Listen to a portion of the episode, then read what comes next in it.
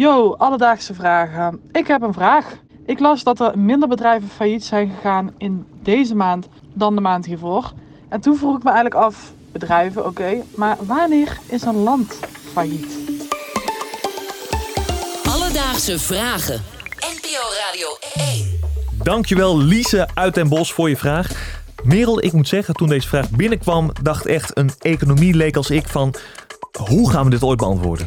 Ik dacht, wat een vette vraag. En toen realiseerde ik me dat ik niks begrijp van eh, faillissementen. Überhaupt niet. Dus niet alleen maar landtechnisch niet.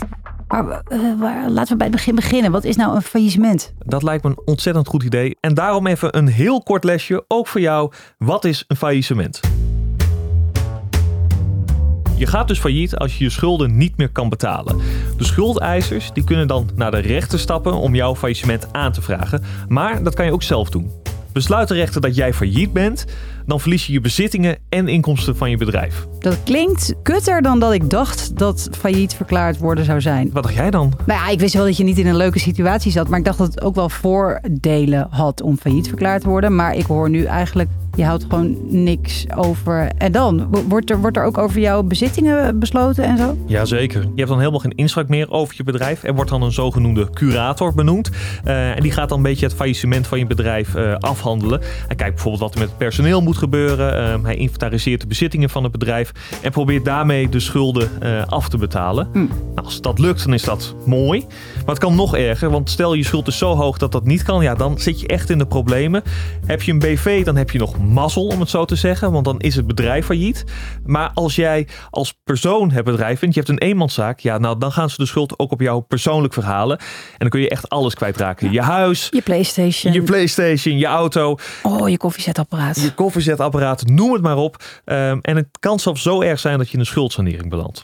Nou, laten we dan maar doorgaan naar de landen. Dat lijkt me een heel goed idee. Hierbij stopt ook mijn uitleg. Want iemand anders die kan de rest van het verhaal veel beter uitleggen. En dat is namelijk econoom Jasper Lukezen. En hij legt nu uit wanneer een land failliet verklaard wordt. Je verklaart dus een land failliet op het moment dat een land zijn betalingsverplichtingen naar zijn schuldeisers niet nakomt. Tot zover niks aan de hand zou je zeggen, maar dat is echt anders als hoe dat met, met natuurlijke personen eh, en met bedrijven gaat. Want natuurlijke personen en bedrijven die worden failliet verklaard door de rechter. Voor een land bestaat zo'n rechter niet. Want een, een- land heeft zelf de rechtsmacht, zelf de politie, zelf een leger. Als de rechter zou zeggen je bent failliet, er is ook niemand die dan naar dat land gaat om de spulletjes op te halen. Dus het failliet verklaren, dat gebeurt eigenlijk door een externe instantie die dat meer vaststelt. eh, dat, een, dat een land failliet is, dan eh, dat hij daar direct consequenties aan verbindt. Oké, wacht. Want in een persoonlijke situatie of een bedrijfssituatie heb je dus een, een rechter die daarover gaat. Bij landen gaat dat niet. Wie beoordeelt dan wel of een land wel of niet failliet is? Hoe werkt dat? Nou ja, je hebt instanties die landen beoordelen op kredietwaardigheid. En dat gebeurt toevallig vandaag ook voor Nederland door de instantie Moody's. En ze hebben daar een schaal voor waarbij AAA het beste is. Daar valt Nederland onder. En dan heb je ook nog D, en dat is absoluut het slechtste. Dat staat voor default, wat in gebreken blijft betekent. En wanneer je zo'n rating ontvangt dan, eh, en dus failliet bent, ja, dan ben je echt in de problemen. Die ratings van die eh, kredietbeoordelaars die zijn heel belangrijk voor investeerders. Want als een land een hoe slechter de rating van een land is, hoe minder happig zij zullen zijn om die schuld te kopen. En bij de D, de default rating, dus dat de eh, landen failliet zijn, dan wordt de schuld in principe niet meer gekocht door financiële partijen. Dus een land verliest zijn toegang tot de financiële markt. Het blijft voor mij een soort van eh, codetaal, die economische woorden. Dus misschien helpvol, wat is gewoon de praktische kant ervan? Stel je, je woont in een failliet verklaard land. Wat betekent dat op, op je dagelijks leven? Nou, dat zijn behoorlijke problemen. Ehm, ten eerste, er komt enorm veel inflatie. Nou, je denkt, we zitten nu al in een tijd met veel inflatie. Dat denk ik zeker. Dan wonen wij als Nederland in een AAA-land, moet je nagaan als je in een D-land zit. Dus die inflatie die schiet omhoog. Daarnaast heb je ook een bankcrisis, waardoor bedrijven of wie dan ook moeilijker kunnen lenen tot niet kunnen lenen. Nou, dat wordt gewoon een economische chaos. Je kan geen kant op. Nee.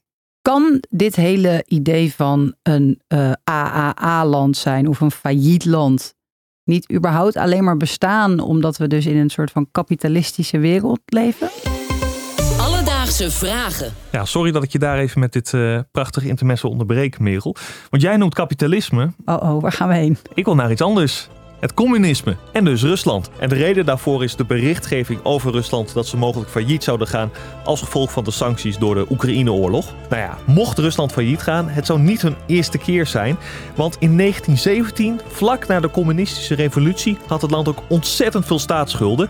En Jasper vertelt hoe ze daarmee omgingen. De communisten die zeiden in 1917, nou weet je wat, die internationale kapitaalmarkt, dat willen we allemaal niet, dat past hem niet bij het communisme, we gaan gewoon niet meer betalen. Nou, dus Rusland is, perfect. heeft die D-rating gekregen in 1917 al, is failliet verklaard. En in 1989, toen de communisten daar niet meer aan de macht waren en, en Rusland weer bij de internationale kapitaalmarkt wilde komen, toen moest er alsnog een akkoord gesloten worden met de partijen waarmee zij in 1917 schulden had, eh, schulden had gemaakt. Dat akkoord is er gekomen. De schuldeisers hebben hun geld teruggekregen. Weliswaar zonder rente. En in die tussentijd was er behoorlijk wat inflatie geweest. Dus ze hebben maar een schijntje teruggekregen. Maar pas nadat dat akkoord er was, kon de, de Russische staat in de jaren 90 weer toegang krijgen tot de internationale kapitaalmarkt. Ik vind het dus heel bijzonder dat ik dan zo voor me zie dat een of andere Dagobert Duck een oud boekje vindt, dat even afstoft en denkt, ja, wij krijgen nog geld. Precies.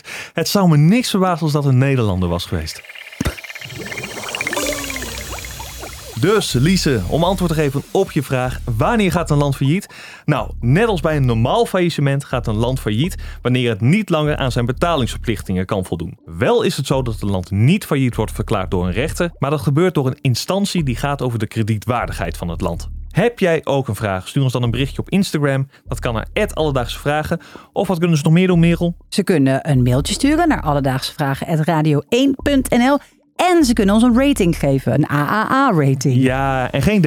Nee, geen D en vooral sterretjes. Alledaagse vragen. NPO Radio 1. BNN Vara.